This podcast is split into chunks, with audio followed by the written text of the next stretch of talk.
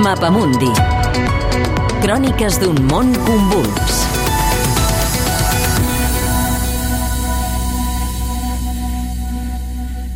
La lluita per Burkina Faso, la cruïlla del Sahel. Era un diumenge, cap a les 7 de la tarda. Van arribar a la comissaria i van començar a disparar. En Sibirico Ala és policia nacional i és també un dels milers de víctimes que està deixant la violència al nord de Burkina Faso. Després de replegar-nos, i com que els agents de guàrdia no eren gaires, els que estaven de descans es van posar l'uniforme i van sortir a socórrer la població local. Però, desgraciadament, en aquest intercanvi de trets, hi ha una bala que m'atrapa. Ferits com en Sibiri, morts, i també més de mig milió de desplaçats. Els atacs es multipliquen i la letal inestabilitat al nord de Burkina Faso no fa més que créixer, en un terreny on, com ja va passar a Mali, s'uneixen reivindicacions de minories històricament menys tingudes, extremistes vinguts de fora i interessos regionals i internacionals, el que se sol simplificar sovint sota el nom de jihadisme.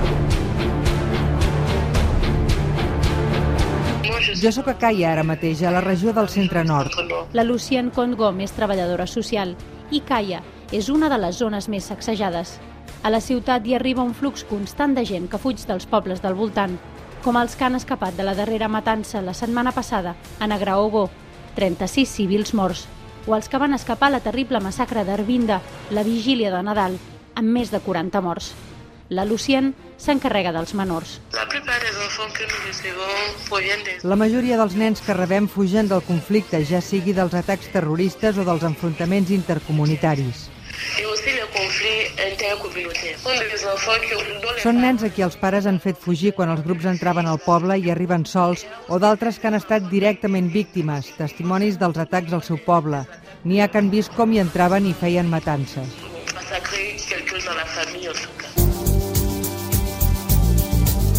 A Burkina els atacs van començar esporàdicament el 2015. Eren més aviat els grups de Mali que passaven la frontera, però des del 2016 ja són endògens, grups propis, s'hi han instal·lat, arrelat i proliferen.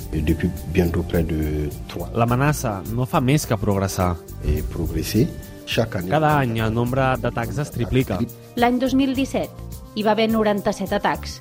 El 2018 van passar els 300 i el 2019 ja va tancar amb 1.000. Segons l'analista burkinès Mahamadou Sawadogo, la situació està fora de control.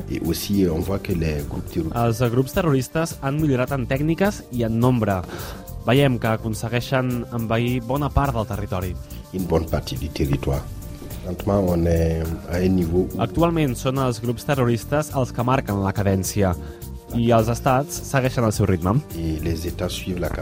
Sawadogo, que és profundament alarmista amb el futur, vincula, com molts observadors, l'origen de la inestabilitat a la mort de Gaddafi. Gaddafi feia de barrera. Era ell qui aconseguia contenir tots aquests grups i també el que impedia que els migrants travessessin Líbia per arribar a Europa. Des de la seva mort, la zona ha quedat vulnerable. Primer hi van començar a circular armes i ara ja no hi ha ningú que controli la regió.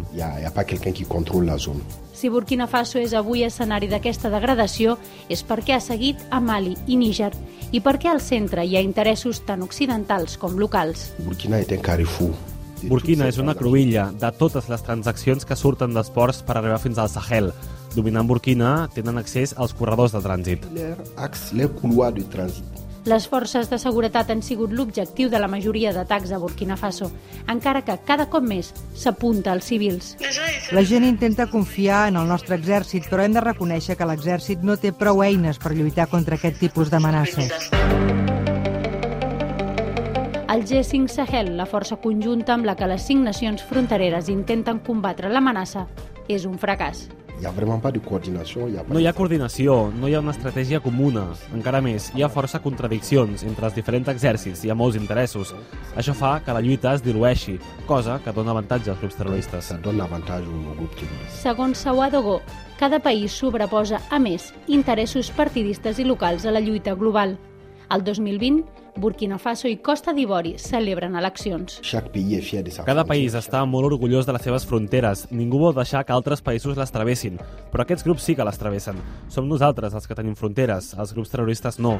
Passen d'un país a l'altre.